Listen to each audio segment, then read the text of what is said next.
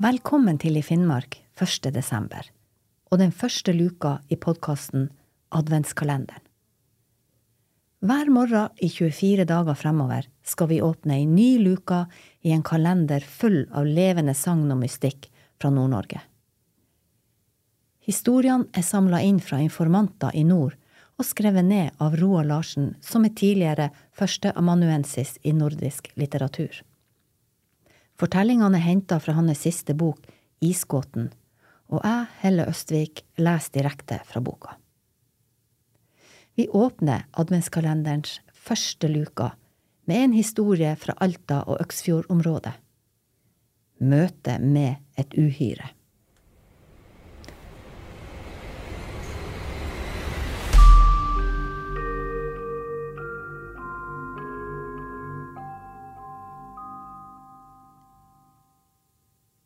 Dette er en skummel historie som skjedde like etter andre verdenskrig. På dette tidspunktet holdt Johan Sara og en kompis til på Stjernøya da reinsdyrene deres hadde sommerbeite der. Nå var det blitt september, og alt var klart for reinflyttinga om høsten. De skulle flytte rein fra Stjernøya til Alta-området. Reindrift baserer seg på reinene at de beiter på utmarksbeite hele tida, og derfor er det å flytte en reinflokk mellom et sommerbeite og et vinterbeite, som i dette tilfellet, en viktig del av den tradisjonelle reindrifta. Flyttinga gjør at reinene får bedre tilgang til mat året rundt, og beitekapasiteten utnyttes da på en bedre måte. Johan og kompisen holdt nå på å planlegge hvordan de skulle få reinene til å svømme over Stjernsundet på en trygg og god måte.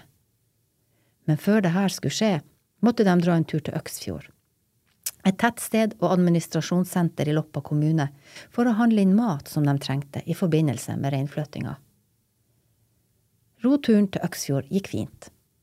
Johan og kompisen kom frem til ei kai som var der. Det var fjæra sjø, så det var litt strev med å komme seg opp på kaia.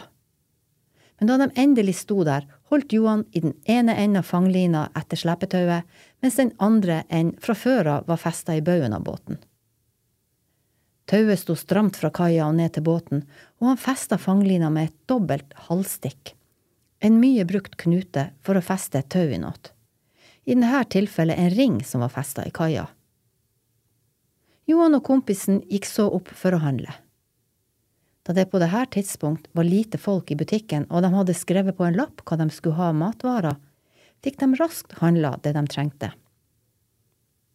Etterpå gikk de ned til kaia og fikk plassert matvarene om bord i robåten.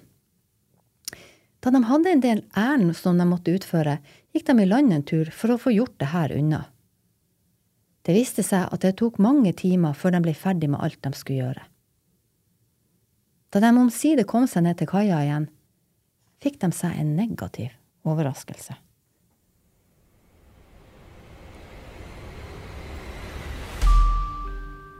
Først så de ikke robåten, men så oppdaga de at den hadde rekt under kaia og var blitt fylt med vann. Det meste av maten, sånn som kaffe og mel, var blitt ødelagt. Det var stort sett bare margarin og de verste boksemat som fortsatt var brukende. Det som hadde skjedd, var at mens de var borte, hadde sjøen tatt til å flø. Og da det begynte å flø, hadde båten stegget, og da hadde tauet blitt slakt det vil si en del av tauet ble hengende slapt i bue. Og da de ikke hadde bundet båten til akta til kaia akter, hadde farkosten drevet under den og satt seg fast under en tverrstokk. Båten ble på en måte tvangsparkert under denne horisontale stokken, og kom seg ikke videre. Da sjøen fortsatte å flø, ble båten mer og mer pressa ned under vann.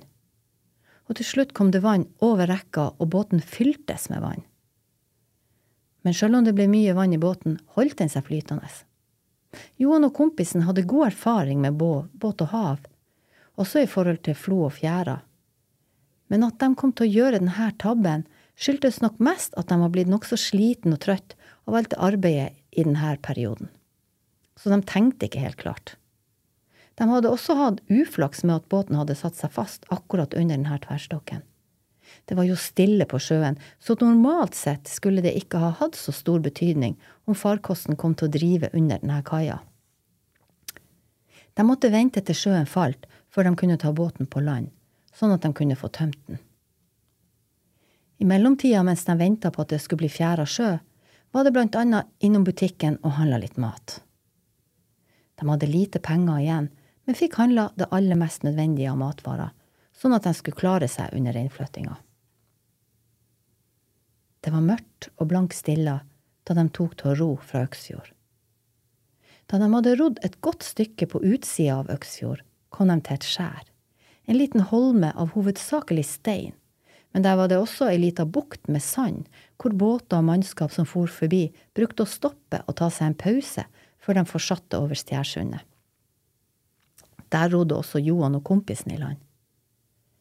Båten ble liggende på sjøen, men ble fortøyd både foran og bak. Da det var bekmørkt og de ikke hadde lommelykt med seg, var det ikke så lett å orientere seg. Det eneste de hadde med seg, var fyrstikker, og med hjelp av dem pluss noe løgn og noen trebiter som de fant, fikk de tent seg et bål. De hadde oppi passe med vann og kaffe i kaffekjelen og satte den i glørne på bålet.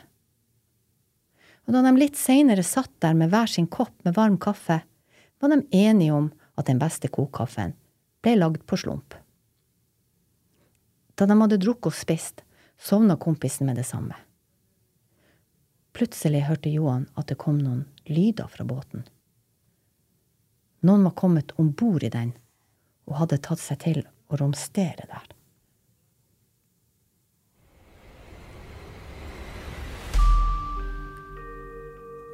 Johan prøvde å vekke opp kompisen. Stå opp! Vi må gå og berge båten og det som er i den. Men kompisen bare grynta litt og rørte så vidt på seg før han sovna igjen. Johan tenkte at det her gikk ikke an, og at han måtte bort til båten for å berge den. Han kvia seg for å gå dit, men han fant ut at han ikke hadde annet valg. Det var stummende mørkt. Men på grunn av Morild, som ga lys, klarte han å se båten så noenlunde klart i sjøen. Mens han var på vei nedover fjæra, fikk han øye på en skygge om bord i båten. Snart var han kommet så nært at han kunne skimte denne skapningen som tok seg til rette om bord. Det han fikk se, var et skremmende vesen med en kropp som var halvt menneske, halvt uhyre. Johan tok frem fyrstikkeska og tente tre fyrstikker etter hverandre. Da hoppa skapningen i sjøen. Johan hadde et gevær i båten, og da han nådde frem til farkosten, greip han tak i geværet og skjøt tre skudd etter hverandre mot den mystiske skikkelsen.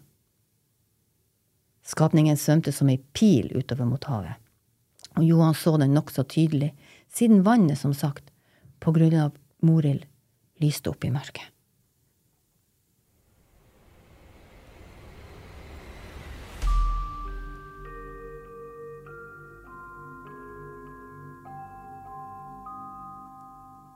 Etterpå måtte han Johan på land og hente kompisen. Han så fremdeles tungt, så Johan hadde sin fylle hyre med å få han våken. Han måtte til slutt klappe til kompisen for å få han opp. Nå må du stå opp, for vi må ro herifra. Så fort som mulig før det skjer noe. De gikk ned til båten i mørket og tok til å ro rett over Stjernsund i retning Storbukta. For dette stedet var det nærmest land på Stjernøya. Før de nådde helt dit, kom det et forferdelig uvær. Bølgene brøyt, det ble danna sjøsprøyt, og skummet drev med vind. Det var nå farlig for småbåter i åpen sjø men heldigvis var de nå så nær land at de greide seg. Hadde de ikke kommet i land, så hadde de trolig forlist med båten. Da Johan hadde fått øye på den skremmende skapningen, syntes han at den minte om en draug.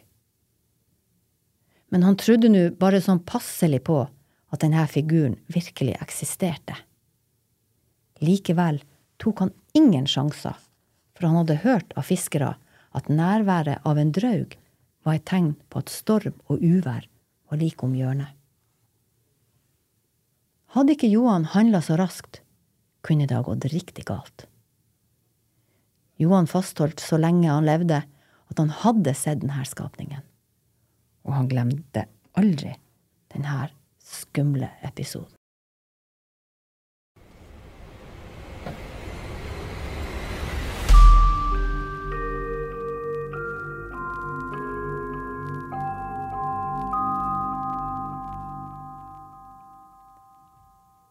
Dette var første luke i I Finnmark sin adventskalender. Mitt navn er Helle Østvik, og jeg har lest sagnet Møte med et uhyre fra Roald Larsens siste bok Isgåten.